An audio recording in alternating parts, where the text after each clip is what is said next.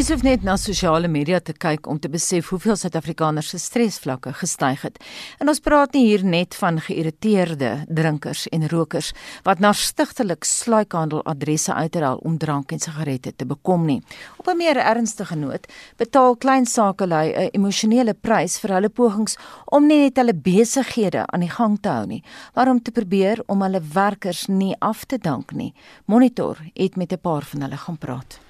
As my hare borsel in die oggend val, dan is ek verseker laat vir 'n vergadering. Dis hoe dit gaan met my. Aan die woord is die besige Sanet Smith, 'n geregistreerde verpleegster en eienares van 'n ouetehuis op Middelburg in Mpumalanga. Ons moet van ons tydelike of ons kontrakmense wat vir ons spesifiek byvoorbeeld oor naweke gehelp het met die kombuis of byvoorbeeld in die wassery ons moet van hulle laat gaan net want ek het nodig om absoluut op my permanente mense te fokus omdat ons uitgawes soveel groter is met veral ons beskermende drag en so.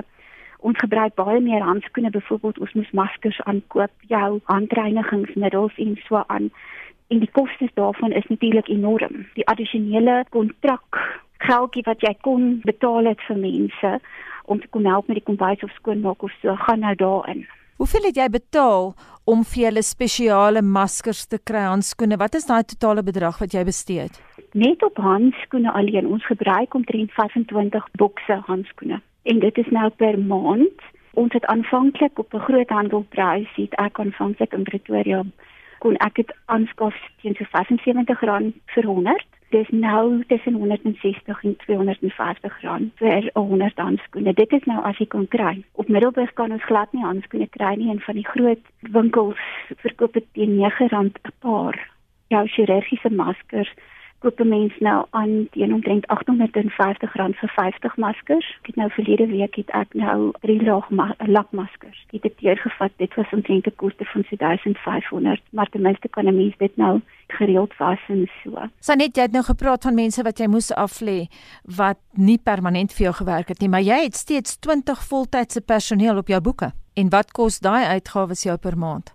So 130000.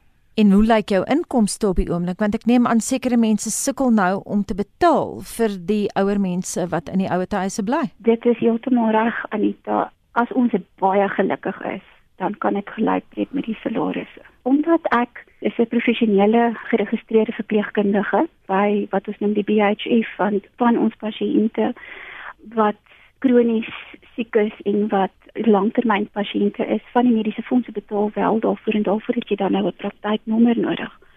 Maar omdat jy met daardie registrasie sit, kan jy nie net sê ek is jammer ek het nie kos om vandag vir hierdie mense te gee nie. Of weet jy wat, ek kan nie die water en ligte rekening betaal en dan terugkoop nie. Binne my persoonlike en my individuele etiese vertrekpunt raamwerk is dit 'n kwessie van dat ek is verantwoordelik Sê vir my Sanet, ek neem aan jy maak op die oomblik geen geld uit jou ouer huis uit nie, maar moes jy skuld aangaan om net aan die gang te bly? Nee, ek het nie nodig gehad om skuld aan te gegaan het, maar uit die aard van die saak is my persoonlike bydrae, jy weet een van af my persoonlike gesin betaal ons seker die beste deel van 40 30 40000 op 'n maandelikse basis op hierdie stadium na die huis toe net sodat die mense kan gerieflik wees en kan aangaan En daai geld kom uit jou persoonlike rekening. Jep. Hoe lank sal jy dit kan volhou? Dit is 'n bekommerenswaardige vraag.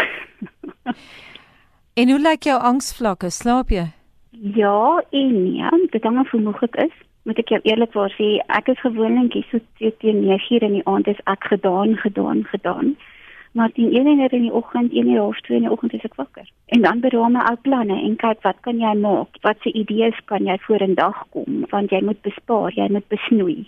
Besnoei is 'n woord wat deel geword het van Gertrude Neveling se daaglikse bestaan. Sy bestuur twee gastehuise, een op 'n plaas so 40 km buite Bloemfontein, asook die op die hoek gastehuis in die Rosestad. Al my onkomste het gestagneer. Werkers het ons heeltemal gestop. Hulle kan nie inkom nie want dit help tog nou nie om vir die akkommodasie, jy weet, vir op die hoek vir die bediening om in te kom. Daar is nie mense nie. Daar is nie besigheid nie. Daar's niks om skoon te maak nie, wil ek amper sê. Gelukkig is dit nou winter, so die tuinjong kan ons ook op die oomblik spaar.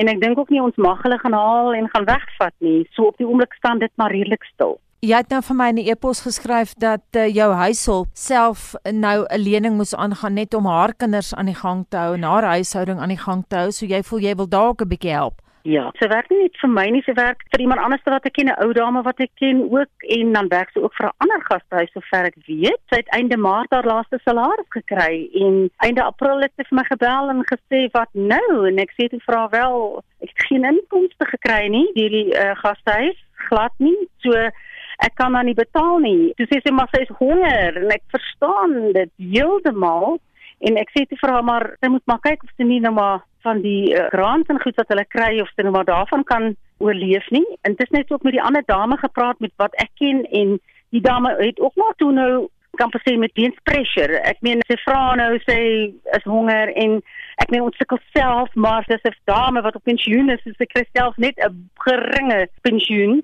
en sy het vir haar maar salaris gegee.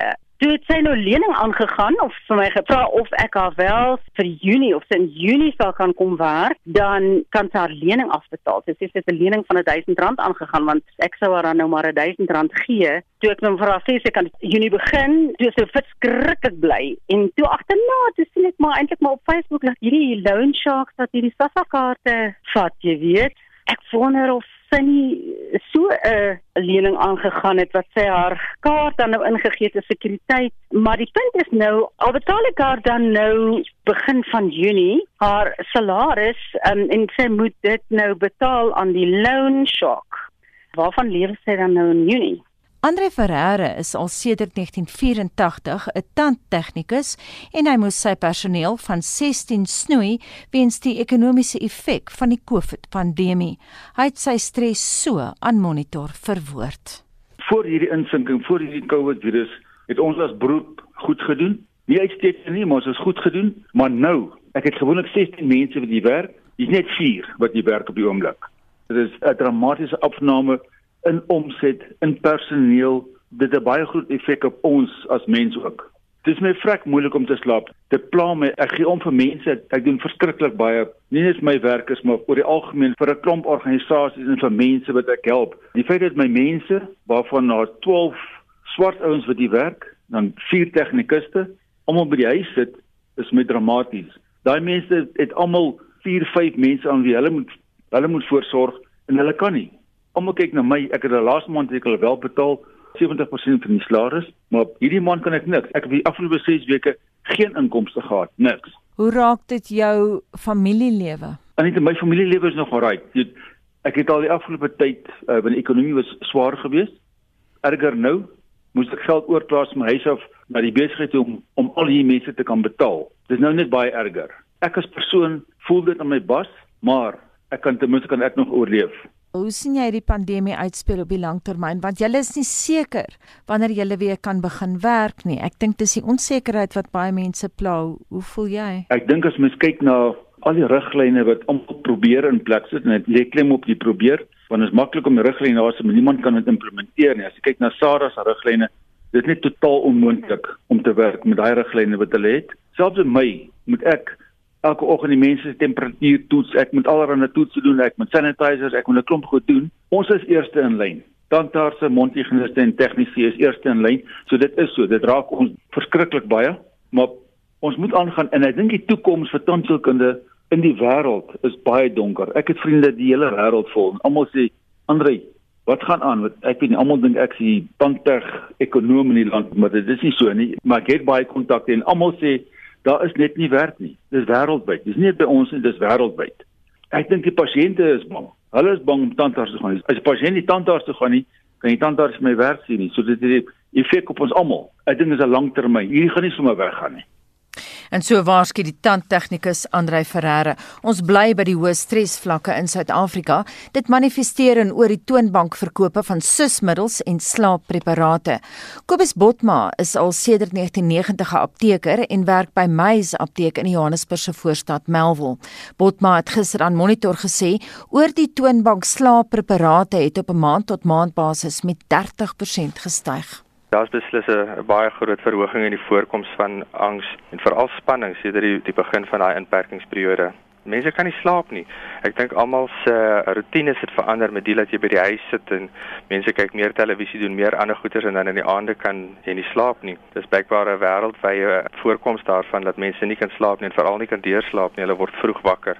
Die hele ding met die met die verhoogde spanning oor gaan ek siek word het ek nog werk. Al daai goeders, ons leef in ongekende stresvolle tye. Daar's definitief 'n baie groot aanvraag na 'n verhoogde aanvraag na slaapmiddels, die wat jy oor die toonbank kan koop, sismiddels, goed wat jou kan help met um, angs en spanning en selfs natuurlike aanvullings vir depressie. Daar's ook 'n baie groter aanvraag daarvoor. Kobus praat die pasiënte met julle oor hulle angsvlakke. Ja, nee, hulle doen. Mense kan sien en sodra jy begin vra, hoe kan ek help? Wat spesifiek wil jy hê? Wat benodig jy om gedoen te word dan? Dan verduidelik hulle die pasiënte vir jou dat jy kan nie slaap nie of dis die spanning of die angs. Mense sien dit daagliks. Dit is maar wat mense elke dag op die radio hoor gaan ek siek word. Ek is bang om dokter toe te gaan. Dit is natuurlik verkeerd. Ek dink die mense moet hulle dokter steeds sien. Die meeste mediese praktyke is hulle is tog ingerig daarvoor om hierdie corona ding ook reg te bestuur. Kobus is mense versigtig om apteek toe te gaan? Definitief. Ons doen veel meer aanlyn aankope. Afleweringe is vreeslik besig. Baie minder voete in die winkel soos wat dit in die ou dae was, mense wat self goedjies kom haal. Veral die ouer mense is baie baie versigtig. Hulle sal nie sommer inkom nie. Bespreek julle die situasie met ander aptekers en kry hulle dieselfde terugvoer dat daar nou 'n groter aanvraag is dan byvoorbeeld slaapmiddels? Ja, dis natuurlik op al die professionele forums en nuusbriewe kan mense dit ook sien dat byvoorbeeld die aptekersraad en die, al die verskillende aptekersverenigings wat sê help hiermee kyk uit daarvoor daar's nie baie mense wat in diepte ingaan nie, maar mens kan sien, mens kan deur jou jare se ondervinding kan jy sien en daar is definitief baie mense wat ook sê hoor dis dis hoekom ek nie kan slaap nie. Ek weet nie of ek môre nog 'n werk gaan hê nie. Dit is hoekom ek soveel spanning het. My werkgewer is besig om mense af te lê. Ek weet nie of ek volgende is nie.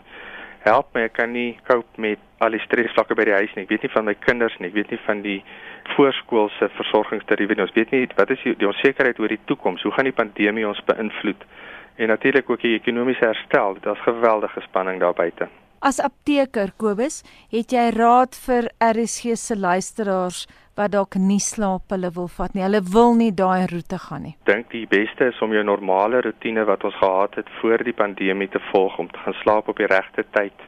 Moenie laat eet voordat jy gaan slaap nie. Mens moet ophou eet 3 ure voordat jy gaan slaap. Probeer 'n rotine aan te haf wat mens 'n gesonde rotine. Dit oefen nog steeds en gaan sien jou dokter as daar probleme is. Ek dink dit is uiters verkeerd om nie te wil gaan na die mediese praktyke toe omdat jy bang is dat jy daar kan aansteek. En daardie raad kom van die apteker Kobus Botma en hy werk by Meys Apteek in Melvis Johannesburg se voorstad. Kobus White is al vir 30 jaar lank 'n bedryfskundige wat fokus op spesifiek besighede se welstand en organisasieontwikkeling. Kobus het nou na die vorige onderhoude geluister en ons praat nou met hom vir sy insette daaroor. Goeiemôre Kobus. Hallo Anita, hoe gaan met jou? Dit gaan goed met ons nog hierso, dankie, maar jy kan self hoor Kobus dat mense ja. baie gestres is. Jy het nou geluister na daardie onderhoude en die angs van mense wat sê hulle kan nie hulle werkers betaal nie. Jou reaksie? Kyk Anita, ek dink belangrike ding van die mense wat ek nou sit te luister het vir almal wat nou hier gepraat het. Die mense het soveel ongelooflike passie vir dit wat hulle doen in hulle besighede die ouerhuis, die gastehuis, die tandtegnikus, die apteker, Kobus wat daar gepraat het. Daar's soveel passie van mense en nou word hierdie passie eintlik onder jou uitgeruk. En nou noem ons dit mense wil vreeslik graag net 'n produktiewe en 'n betekenisvolle lewe lei en dit goed veroorsaak angs. Mm. Nou ek sê nou vir jou ons gaan nie nou angs opsom nie. Kobus het dit baie goed opgesom. Kom ons kyk na goed, wat maak ons met hierdie angs? Want as ek nie met hierdie angs iets kan doen nie, en ek kan nie hierdie angs bestuur nie, gaan ek bitterlik sukkel om my besigheid te bestuur. Want dan gaan angs my onderkry en ek noem dit sommer nou eenvoudig, angs is harregat. Hy's 'n mannetjie wat nie gaan lê nie. En ons moet hom bestuur en dis die uitdaging wat ons almal het vandag. En al hierdie gaste wat deelgeneem het is hoe maak ek met dit dan? Want hy beïnvloed my besigheid en dit frustreer my hierdie virus frustreer my dit is my opsomming oor angs en ons moet angs 'n naam gee net soos ons hierdie virus 'n naam gegee het wat ons noem COVID-19 moet ons ek praat sommer nou van kom ons praat oor besigheidsangs En besigheidsangs is ek na al drie van hierdie mense luister. Die positiewe ding wat hulle doen is hulle verstaan waar hulle staan met die virus. Elkeen van hulle drie. Jy moet jou besigheid verstaan. Jy moet jou kernbesigheid verstaan. En as jy dit verstaan, kan jy weet hoe gaan die virus en hoe impakteer die virus vir jou? Hoe impakteer hierdie gebeurtenis vir jou en jou besigheid? En dis die kernding en ongelukkig is dit nie 'n kitsoplossing nie. Jy kan nie net ver oggend wakker word en dink dit is wat ek nou gaan doen. Dit is 'n proses denke waardeur ons moet gaan. En jy werk al drie van hierdie mense wat gepraat het. Die die shows die ding wat jou nie laat slaap, die ding wat jou pille laat koop, die ding wat vir jou angstig maak, wat jy worry oor elke dag, is finance. Die finansies is die ding. Daar Dawie Rood vanoggend gepraat. Daar Jannie gepraat oor die landbou. Daar Eskom gepraat. Alles gaan oor finansies. En dit maak dat ek nie slaap nie. En as ek hom geïdentifiseer het, kan ek nou sê wat maak ek met finansies? Van net by die ouer huis net gepraat oor finansies. Ander het gepraat oor finansies. Gastehuise goed het als gestaan. En dit het die impak is finansies. Die aflegging is 'n is 'n eindresultaat daarvan, maar die finansies is die ding wat ons nie laat slaap nie. Kobus, ek, ek wil yes. tog jou net 'n paar vrae ook nog vra. Okay, dis reg. Ehm um, jy jy verwys nou derentyd na duidelik is die finansiële bekommernis is die kruks van die hele storie. Nou jy 3 dekades lank se ervaring. Wat se praktiese raad het jy vir hierdie mense? Jy sê byvoorbeeld ons drie gevalle studies bestuur eintlik hulle situasie heel goed gegee word die omstandighede. Maar watter ander raad het jy vir hulle? My eerste raad is wat ek maar met my eie besigheid ook doen is ons moet regtig net ons kernbesigheid verstaan. En ons moet ook verstaan hoe impakteer 'n gebeurtenis soos die virus my kernbesigheid. Vergeet van 'n ander ou se besigheid. Hoe impakteer dit myne en hoe impakteer dit my kliënte? Dis 'n eenvoudige ding, maar ons moet daar begin. Ons moet dit verstaan. Dan kan ek aksies neem rondom dit. En die heel eerste aksie wat ek neem, is maar eintlik finansiële oorlewing. Ons gaan in 'n oorlewings fokus in eintlik om net te kan oorleef. En dis hoekom al drie van hierdie gaste wat gepraat het, al drie van hulle het moet mense aflê. Want dis waar jy begin. Dit is waar jou kostes sny. Maar jou kernbesigheid moet hier staan en jy moet jy aanvaar Anita. Mens moet eerlik wees met jou ontleding van jou eie kernbesigheid. Wees eerlik met jouself en wees eerlik oor waar jy staan met jou besigheid. Dalk kom jy by 'n plek waar jy die ding moet stop. En nie te lank met hom aanhou nie. Dalk is dit nou die tyd om die ding te stop. Dit is verskriklik belangrik om eerlikheid met jouself te hê en eerlikheid met jou besigheid te hê. Dis nie 'n skande om te stop nie dis eintlik 'n geleentheid wat jy weer vir jou bou om iets anders te begin dalk. So ek glo aan jy moet eerlik wees met jouself en eerlik wees in jou besigheid, jou besigheid verstaan. Dis kerngoedjies en dis klein goedjies. Die ander raad wat ek het vir mense soos almal van ons wat in hierdie besighede sit, is ons moet net 'n bietjie kleiner dink. Ons ek sê altyd vir mense, moenie die hele brood probeer eet jy gaan wurg. Die goed maak jou oorweldigend. Dink 'n bietjie kleiner, stappie vir stappie oor jou besigheid. En dis wat hierdie mense gedoen het. Hulle het eers gaan kyk wat wie sal net gepraat van handskoene. Dis 'n fokus. Handskoene is 'n klein begin as jy fokus op handskoene. Hoe gaan ek handskoene se kostes oplos? Fokus net daarop. Dis 'n kernding, mens hy dink klein, dink stappie vir stappie vir stappie. Hoe gaan Andre die omset weer opkry? Dis 'n dis maar daar seker kits op ons nie, maar Andre fokus op iets wat jy klein oorwinningkies kan kry en daai klein oorwinningkies gee vir jou moed. En jy jy jy celebrate eintlik daai oorwinningkie en dit maak jou emosie beter. Hmm. Dit maak jou slapeloosheid beter. Hmm. Ons dink te groot. Ons wil die hele ding oplos. Ons gaan dit nie maak Ek gaan dit nie maak nie. Kobus. Jy moet kleiner dink. Weereens op 'n praktiese vlak, jy ja. het self al in jou lewe 1000 mense moes afdank sonder dat daar uh, enige probleme was in terme van hofaksies teen jou.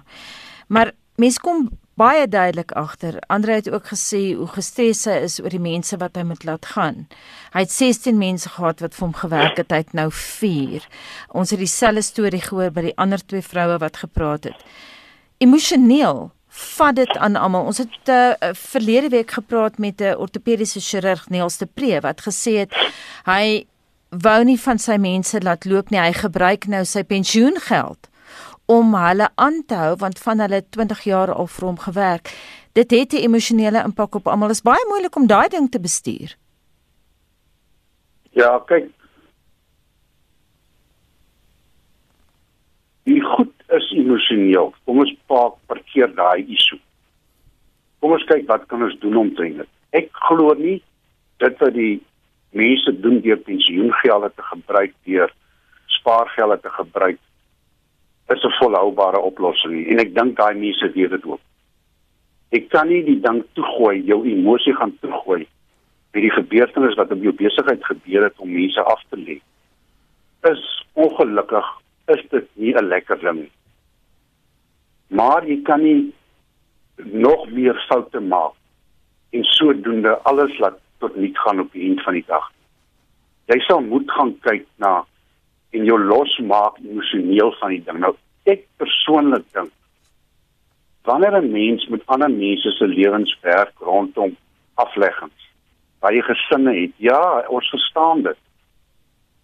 Maar doen dit net met respek en doen dit met deernis en die baie goeie Engelse woord wat ek sommer altyd gebruik. Doen dit net met dignity. Alhoewel dit emosioneel is vir almal. En as jy op daai manier opereer met jou mense wat jy moet aflê, maak dit dit vir jou ook makliker. Maar jy kan dit beheer nie. Dit is ongelukkig nou maar so. Jy kan dit net beheer deur dit met met respek en 'n ordentlike hantering van daai mense doen. Dan gaan jy ook lekker slaap vanaand. En dan kan jy daai ou môre in die oë kyk as jy hom weer sien. In die kliks of in die spar of in die checkers of waar jy ook al loop. So ek glo jy moet dit met eerlikheid en opregtheid en en en en, en eernis moet daai mense hanteer. Maar jy kan nie daai ding na jou bed toe vat elke aand nie. Kobus, jy moet leer en fiks word om dit nie na jou bed toe te vat daai ding nie. Kobus, ons het nie vreeslik baie tyd oor nie, maar ek yes. wil tog vir jou een laaste vraag vra. Jy is nou deskundige op die herontwikkeling van 'n organisasie. Daar is ook sekere besighede wat in hierdie tye baie goed gevaar het in terme van om hulle hele besigheid te herontwerp. Kyk, ek ek sal ek sal 'n voorbeeld noem. Ek het nou vanoggend vir julle gesit te luister op op op op uh, op die program daar het julle inset gehad oor Facebook.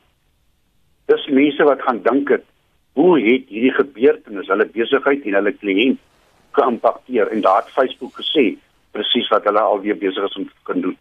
Die ding wat ek gister gehoor het sommer net in uh, op uh, op uh, WhatsApp wat na my weer gekom het as 'n YouTube is die privaat skool Kiro. Kiro het gegaan en hulle het onmiddellik gegaan en aanlyn of online skole begin stig. Want die gebeurtenis het 'n impak op hulle kernbesigheid gehad. En hulle het nie hulle kernbesigheid gelos nie.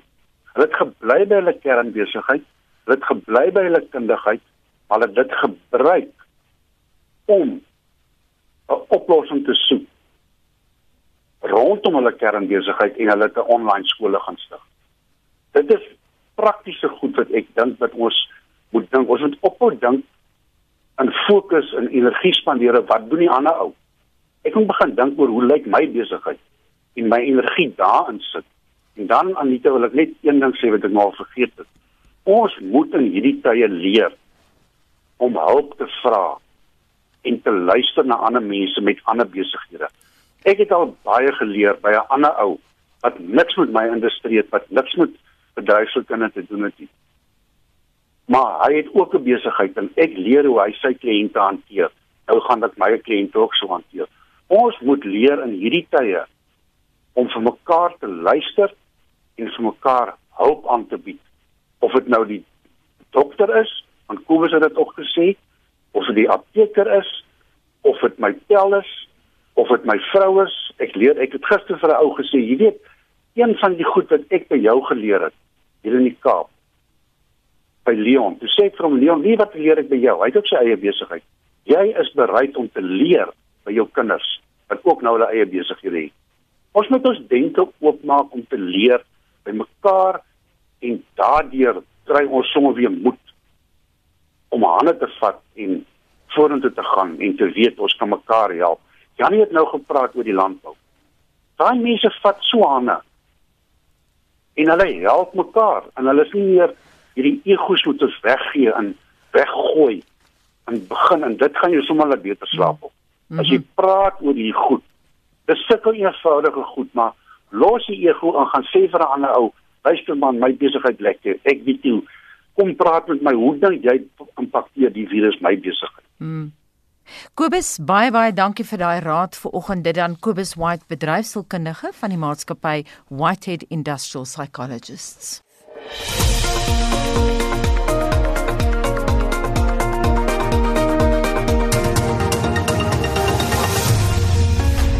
Vincent. Anita, as jy so na ons SMS lyn sien, kan jy sien ons het baie ons het baie luisteraars met baie geluk. Hier's van ehm um, karre na uh, Mosese ehm um, toere, maar kom ons hoor gou wat sê ons luisteraars met hulle stemnotas. Môre, dis Liesel van Modimolly. Ek het toe ek in standaard 4 was ingeskryf vir soek die Terry en ek het 'n R5 gewen en genade was dit baie geld daai tyd en ek was baie opgewonde. Ek is Nywen Carolus. Ek het al 'n koek op 'n kosskool gewen. Dit was nou die wonderlikste ding wat kon gebeur het met my die dag. Ek wil net julle vertel hoe ek 'n getroue TV-lisensie betaler geword het. My dogter was op laerskool en hulle het 'n loetjie gehad waar jy televisiestel kon wen. En uh, sy het toe die televisiestel gewen. Sy moes die TV-lisensie toon voor sy die televisiestel in ontvangs kan neem. Uh, ek sê toe wag maar, ek kry ook pas 'n TV lisensie. Sy sê nee, die TV kom na ons huis toe. Ja, dus ek toe verplig om 'n TV lisensie uit te neem en van daai dag af betaal ek getrou met TV lisensie. Ek is Martie van Terrell. Ek het 'n pragtige Carol Boys opskep lepel gewen vir beste resep. Ehm um, en dan het ek gewen uh Zain Mias uh CD met die bekendstelling daarvan. Ja, ons het 'n bietjie later net voor 8 nog terugvoer van jou die luisteraar. Intussen gaan ons na internasionale nuus gebeure, soos gewoonlik hierdie tyd van die oggend. Die Chinese Kongres gaan na verwagting later vandag veiligheidswetgewing goedkeur wat massa-betogings in Hong Kong inperk. Dit volg op verlede jaar se hewige teenkanting rakend wetgewing om Hong Kong se burgers aan China uit te lewer vir vervolging. Marlenae Forsie het vir ons al die agtergrond daar. Goeiemôre Marlenae. Goeiemôre Anita en kom ons spring weg. Die voorgestelde wetgewing lok reeds heelwat kritiek uit verskeie oorde, maar China hou vol dat dit die veiligheid van burgers van die administratiewe staat van die land sal verseker, 'n woordvoerder vir die regering, Zhang Yeshui. National security is the bedrock of the country's stability. Safeguarding national security is the common interest of all people, including Hong Kong compatriots. Maar pro-demokratiese politici in Hong Kong soos Dennis Kwak kritiseer die wetgewing. This is the end of Hong Kong. This is the end of one country two system. Make no mistake about it. That Beijing, the Central People's Government has completely breached its promise to the Hong Kong people. A promise that was enshrined in the Sino-British Joint Declaration and the Basic Law. And they are now completely walking back on their obligation owed to the Hong Kong people.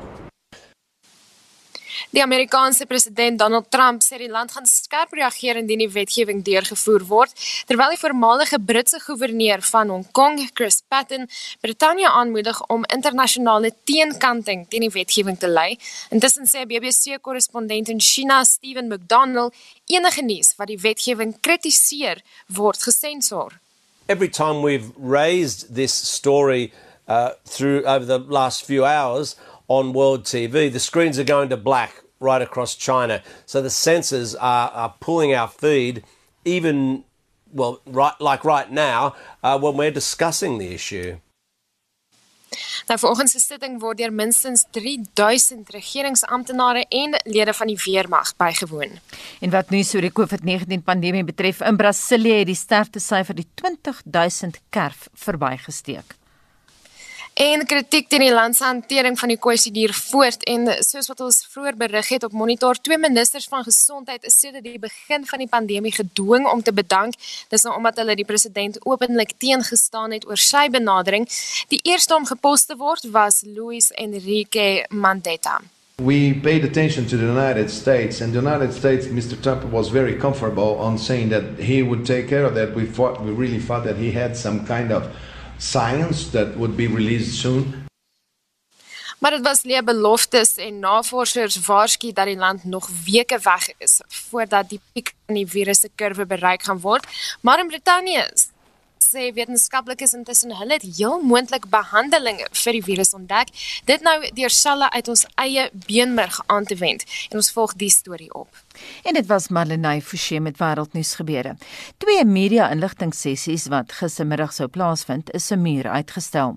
Die minister van polisie, Bek Cele, sou terugvoer gee oor polisie optrede tydens die inperking en hulle pogings om seker te maak Suid-Afrikaners gehoorsaam die regulasies.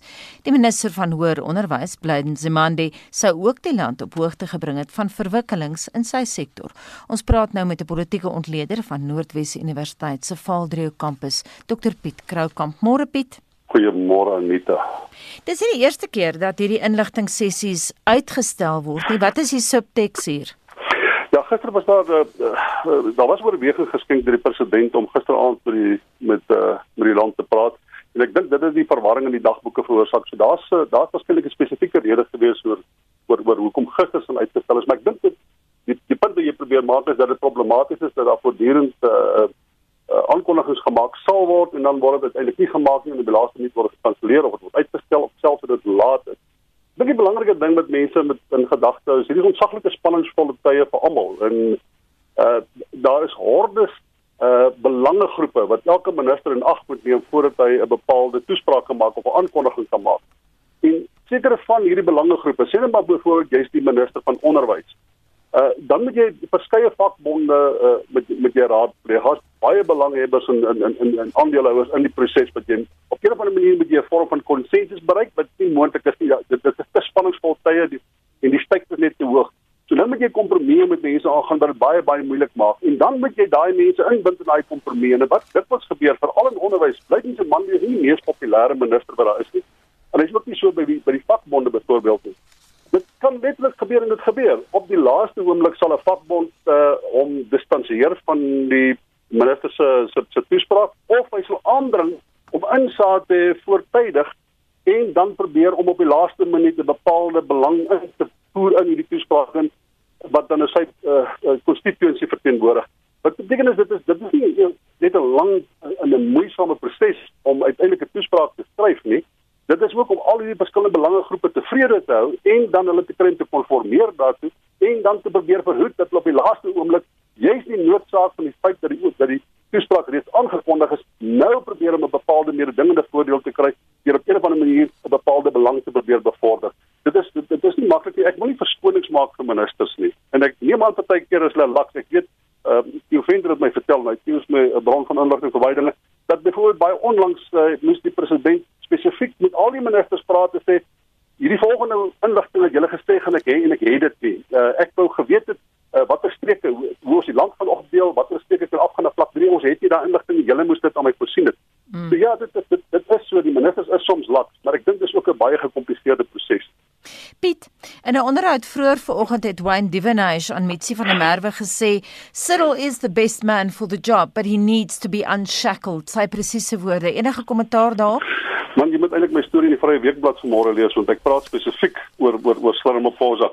Die die eerste ding wat in, in Wayne het 'n baie goeie begrip van van baie dinge wat in Suid-Afrika gaan en spesifiek dink ek met uh hulle hulle het 'n verhouding met die uitvoerende gesag wat oor 'n lang tyd kom. Maar die punt wat Wayne maak en ek dink wat baie ander mense maak is elke slag as hulle die president uh, as die president hulle nie ter wille is nie of nie reageer soos hulle wil hulle wil reageer dan filter hulle sy gedrag deur faktiese gevegte. En dan sê hulle, "O, oh, dis omdat daar hierdie diep donker ysmagasulie ergens in 'n toeliehuis sit en dit hou die president terug want hy moet later weer herverkies word en dit is moontlik dat hy ontdoen kan word as die president van die land en daai proses is heeltyd besig om hierdie onderkant te grawe in die politieke proses en die gedagte van die president. Dis absoluut snert en nonsens, dit gebeur nie so nie. Ons moet ophou om elke slag, elke ding wat die president doen te probeer filter deur die idee van faksiegevegte. Dis meer gekompliseer, dis baie meer interessant. Die president is nou sterker as ooit. Hy neem besluite in 'n groot mate op grond van die feit dat hy dink dit is reg of hy sê baie keer die wetenskap aanwend te sê dit is 'n wetenskaplike besluit wat ons probeer neem. Ek dink tog hy is sy eie persoon, maar ons verwar dit baie keer met faksiegevegte omdat hy onsaglik breed en wyd konsulteer. Hy laat sy ministers toe om hulle werk individueel te doen. Hy probeer nie forceer om 'n bepaalde filosofie of teorie te verkoop nie. Solank hulle hulle werk doen, sal hy bereid wees om met hulle te konsulteer. En partykeer van hulle sê soos Blamini Zuma gesê het, Ibrahim Patel sê goed, ek is bereid dat my standpunt betref, is ek bereid om terug te staan omdat daar 'n meerderheid is in die kabinet wat waarskynlik saam met hierdie bepaalde ministers stem. Ek dink dit is 'n goeie president, 'n konsulterende president.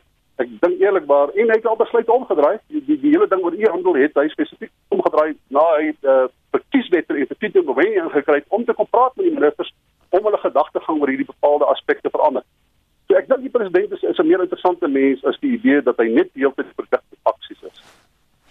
Piet net 'n laaste vraag. Uh, President Cyril Ramaphosa het nou hierdie week met 'n groot aantal kerkleiers geraadpleeg oor voorbereidings om in dele van die land af te skaal na vlak 3 toe. Ons weet daar's 'n groot debat in Frankryk aan die gang oor die oopmaak van die kerke daar. Het jy enige reaksie daarop te lewer? Ek dink die president probeer ek dink daar was enigstens 'n gesprek dat die kerk noodwendig op dieselfde skaal moet oopmaak wat dit vroeër oopgemaak is nie. Ek dink van die die kerkleiers weet ek probeer uh, argument toe dat as jy begrafnisse hou, kan jy seker kerk ook hou. So, maar dit sien jy net die die die, die tipe van sektariese belang waarmee hy gekonfronteer word. Maar intussen is die kerke natuurlik ook 'n baie belangrike vehikel of 'n voertuig vir hom om die boodskap uit te dra, om inligting uit te dra, om mense in te lig oor wat hulle moet doen, uh om op 'n of ander manier uh, uh, saam uh, inkoop te kry. Omdat die, die burgerlike samelewing is in 'n tydpunt situasie en hy is geneig om hom te probeer verset. So jy moet so wyd as moontlik met soveel as moontlik mense praat om in te koop op die feit dat klop mense eenvoudig teen hulle eie belang en eie wil op 'n manier hulle self moet gedra het. En ek dink hoe meer mense mee praat, hoe beter is dit, maar ek dink ook hy doen dit baie gefokus. As jy met hierdie mense gesels wil sê ons kan eenvoudig nie bekostig dat julle doen wat julle natuurlik wil doen, wat julle eie belang bevorder nie dan is dit baie beter as wanneer dit onthou net die samelewing is besig om self die kookpot se deksel te lig. Hulle probeer uitkom. Die informele sektor gaan strate toe. Die die die die die, die, die, die kan nie onbeperk hierdie deksel ophou nie. En as groot instansies soos kerke begin om hulle self te te sit op 'n manier wat eenvoudig nie die reëls uh, ignoreer, dan het jy baie baie groot probleme. Ek verstaan dat hy met die, met met, met byt konsulteer en dat hy spesifiek met kerke konsulteer. Want onthou net die meeste mense in Suid-Afrika is op 'n of ander uh, vorm verbind in 'n geloof. En God het natuurlik aansienlik meer mag as die president. So as hy die uh, kerkleiers kan insluit, dan kom op die proses gee. God in die proses. Nou ja, ek dink dan vorder jy. Baie dankie dit aan die mening van Dr Piet Kroukamp, hy se politieke ontleder aan Noordwes Universiteit se Valdriehoek kampus. Intussen het die Gauteng se onderwysdepartement onderneem om die COVID-19 veiligheidsprotokol te open vir openbare deelname. Die Vryheidsfront Plus het gister die versoek gerig tydens 'n virtuele onderwyskomitee vergadering van die Gauteng se wetgewer. En ons praat nou met die party se nasionale voorsitter advokaat Anton Alberts. Goeiemôre Anton. Goeiemôre Anita. Vertel ons 'n bietjie meer oor die versoek wat jy gerig het. Ja, ons is bekommerd geweest dat die regering baie van sy besluite sentraliseer en nie eintlik met die gemeenskap konsulteer nie. En um, ons het baie um, navraag van ouers gekry wat bekommerd is oor hulle kinders wat terug moet gaan skool toe. Ehm um, dit kan natuurlik 'n groot probleem skep en die kinders wat terug gaan skool toe daar geïnfekteer word en dan weer terug gaan huis toe. Ons weet kinders word nie noodwendig lyk my deur die virus werklik aangetast nie of hulle het nie eintlik simptome nie. Oor die algemeen as jy na die wêreld tendens kyk, maar hulle kan dan wel die virus optel daarso en terugbring huis toe en dan mense wat dalk wel vatbaar is vir siektes en alreeds 'n natuurlike onderliggende siekte het ook aanta so. Ehm um, dit is belangrik om dan ehm um, hierdie reëls wat gemaak gaan word vir die skole om te sorg dat dit veilig is, wel weer die met die ouers te konsulteer en te sorg dat die ouers dan ook gelukkig is wanneer die kinders dan terug gaan skool toe. Nou die persepsie bestaan dat daar sekere regeringsdepartemente is wat eenvoudig hulle eie gang gaan en sonder enige insette van die publiek. Het julle verwag dat die departement in die geval sou instem? Ons het nie eintlik nie, ons het seker gemaak ons gaan hierdie vraag vra aan Lesofie wat in beheer is van van hierdie departement dat ehm um, daar wel dan konsultasies sal plaasvind.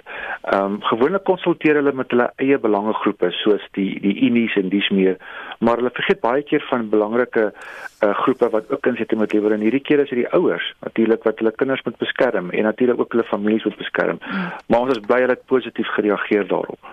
Anton, maar daar moet perke wees. Mens moet een of ander tyd eenvoudig as 'n leier 'n besluit neem. Jy kan nie vir ewig openbare deelname hê nie. Dit is so, dit is natuurlik waar, maar hulle het wel tyd om daai openbare deelname toe te laat. Ehm um, om vir die mense net so 2, 3 dae te gee om te sê insette te lewer is nie te veel gevra gegee by die beplanning wat hulle het om teen 1 Junie die skole oop te maak. Daar is nog tyd daarvoor en hulle moet dan seker maak dat die ouers ook gelukkig is want um, uiteindelik gaan hulle ook gekonfronteer word met probleme. Ehm um, dis moontlik dat die ouers indien daar wel gevalle gaan wees van aansteking van die, die siekte infektering dat daar wel dan hofsaake gaan wees praat voor. Vrees jy dit beskerm die regering ook uiteindelik die aan die einde van die dag. Net op praktiese vlak nie almal in Suid-Afrika het toegang tot rekenaars nie. Wanneer word die protokol gepubliseer? Hoe kry hulle toegang? Kan hulle skrywe ook rig of moet alles met 'n rekenaar plaasvind? Wel, die regering gaan vandag vrystel sterk weet. Hulle het onderneem om dit vandag te doen. Ehm um, ek neem aan hulle sal dan um, ook seker maak dat dit by uh, gemeenskappe uitkom wat nie toegang het tot rekenaars nie. Ehm um, meeste mense het wel selfone, deesdae se selfone kan hierdie tipe hierdie inligting ontvang en hooplik kom dit so by die meeste mense uit. Ehm um, maar die regering moet uit dit 'n verantwoordelikheid natuurlik om te sorg dat dit op verskillende forme uh en platforms dan uitkom by die mense en by die gemeenskappe en veral die ouers om dan insette in hierdie verband te lewer want ons weet ouers is baie bekommerd oor die oopmaak van skole en hulle wil net sekerheid hê. Baie dankie en so sê Anton Alberts die Vryheidsfront Plus se nasionale voorsitter. In sy weeklikse rolprent resensies praat Leon van hier op vanoggend oor 'n uitbundige vrou wat gedurig om verskoning vra in I'm sorry. Goeiemôre Leon. Goeiemôre Anita. Dis 'n wonderlike titel. Vertel ons meer daarvan. Hoeveel keer het jy dit al gesê Anita? ek ek moet dit eers sê dat die reeks I'm sorry lekker vers suik van onder die beltkuier en jou inperkingskoers mag vervroeg vrolik. Dis 'n soort volwasse voet in die mond maar 'n walus wanneer jy staar, wanneer jy sommer lus is vir iets stouts en ondeens. Let op daardie woord stout hoor, maar veral vol dubbelsinnige en vermetelike koonkslaa. Die heldin is eintlik traanderig om sy nie wag vir haar mond plaas nie. Daai arme wag is op 'n sloerstaking. Daarom is sy so dikwels in die moeilikheid vir albei haar man, mooi onderspeel deur Tom Everett Scott en by haar dogtertjie, maar sy ploeter uitgelate van die een katastrofe na die volgende woordramp. Die dialoog bruis oor die televisie se rand soos te veel vrugtesout in 'n klein glasie. Jy sal soms sê: "Ag nee, wat dame, hier's 'n sleutel, snoer jou lippe." soos wanneer sy sweterig en tam voel gedurende 'n bedompige yoga klas, maar wag tot jy hoor wat sy teenoor 'n niks vermoedende dokter of skoolsekretaris kwytraak. I'm sorry is vulgêr snaaks. Dis vir mense met inperkingskoors bedink dat niks vir meer kan laat lag nie. Op Showmax 7 uit 10. Kom ons kyk 'n bietjie na ander reeks Ragnarok. Dit klink vir my baie dramaties en dit klink noorweegs ook is beïndruk dat jy daai woord reg uitspreek. Weet jy baie mense speel dit verkeerd uit. Ragnarok in Noorweegs met Engelse byskrifte moenie met die Chris Hemsworth film Thor Ragnarok verwar word nie. Al het die inkennige held ook 'n hamer wat hy baie ver kan gooi. 'n Dorpie in Noorwe word deur fabrieke se besoedeling bedreig, maar meer nog deur 'n bose familie wat skynbaar uit die Noorse mitologie stam. Dit kos Thor net in 'n skoolseun gedaante om hierdie ewels uit te roei. Jy moet nogal jou gedagtes bymekaar hou en jou IQ met 'n skokstok bykom om sin hieruit te maak. Dis nie sommer 'n flip vinnig deur die TV-kanale na die volgende reeks storie nie, maar 'n swaarwigtige donker produksie wat heeltemal anders is. Jy sal meer van die Noorse kultuur leer as wat jy verwag. Dis geen gewone storie nie. Die kinematografie van die slapperige Noorse dorpie is misleidend rustig, want onderdraai 'n hele paar duiwels uit die mitologie rond. Skilderagtig word opsienbarend lustig. Ragnarok mag jou heeltemal onkant betrap, maar jou breinselle stimuleer. Ragnarok op Netflix 8 uit 10. En wat van mense wat van wetenskapsfiksie hou? Wel daar was al tevore rolprente oor die son wat die aarde wil insluk of 'n ruimteskip wat so waar son toe vlieg om dit weer aan die brand te steek. Ha ha ha. Maar Into the Night gee 'n nuwe kinkel aan die voorsgeryde storie. Onwaarskynlik soos dit mag klink, moet 'n groep mense gedurig van die son af vlug, anders sterf hulle. Hulle moet dus aanhoudend in die nag invlieg in 'n vliegtuig om te bly leef. Nou praat van inperking met addisionele spanning. En jy dink jou inperking is moeilik? Die probleem is dat die reeks regtig so ver gesog, absurd en geforseerd is dat die mens huiwer om na meer episode as die eerste 2 te kyk.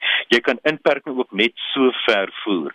Daar's om een troos, hulle het ten minste alkohol op die vliegtuig om die vliegtog draagliker te maak. Into the Night op Netflix 5/10. Lees die resensies op by die skep.co.za en klik op fliek rubriek of luister op potgooi daarna. Daar's van dese week berig dat 'n Bloemfontein se vrou haar boeglam geskrik het vir 'n onverwagte besoeker in die vorm van 'n eystervark. Die hoofredakteur en uitvoerende direkteur van die Woordeboek van die Afrikaanse taal, Dr Willem Botha, bespreek vandag die woord woorde liewer eystervark en boeglam. 'n Vrou van Hewelsig in Bloemfontein wou vroeër die week vroegoggend gaan stap, toe sy 'n eystervark voor haar buurman se hek sien staan. Sy haar boeglam geskrik en die eystervark se tenne het oorent gaan staan toe hy haar sien. Die volgende oomblik het hulle van skrik in verskillende rigtings gespat. Eystervarke is klein en stewig gebou, maar hulle is die grootste knaagdiere wat in Suid-Afrika voorkom. Die rug en agterlyf is met tenne of stekels bedek en die oorige liggaamsdele is met stywe lang borselhare bedek.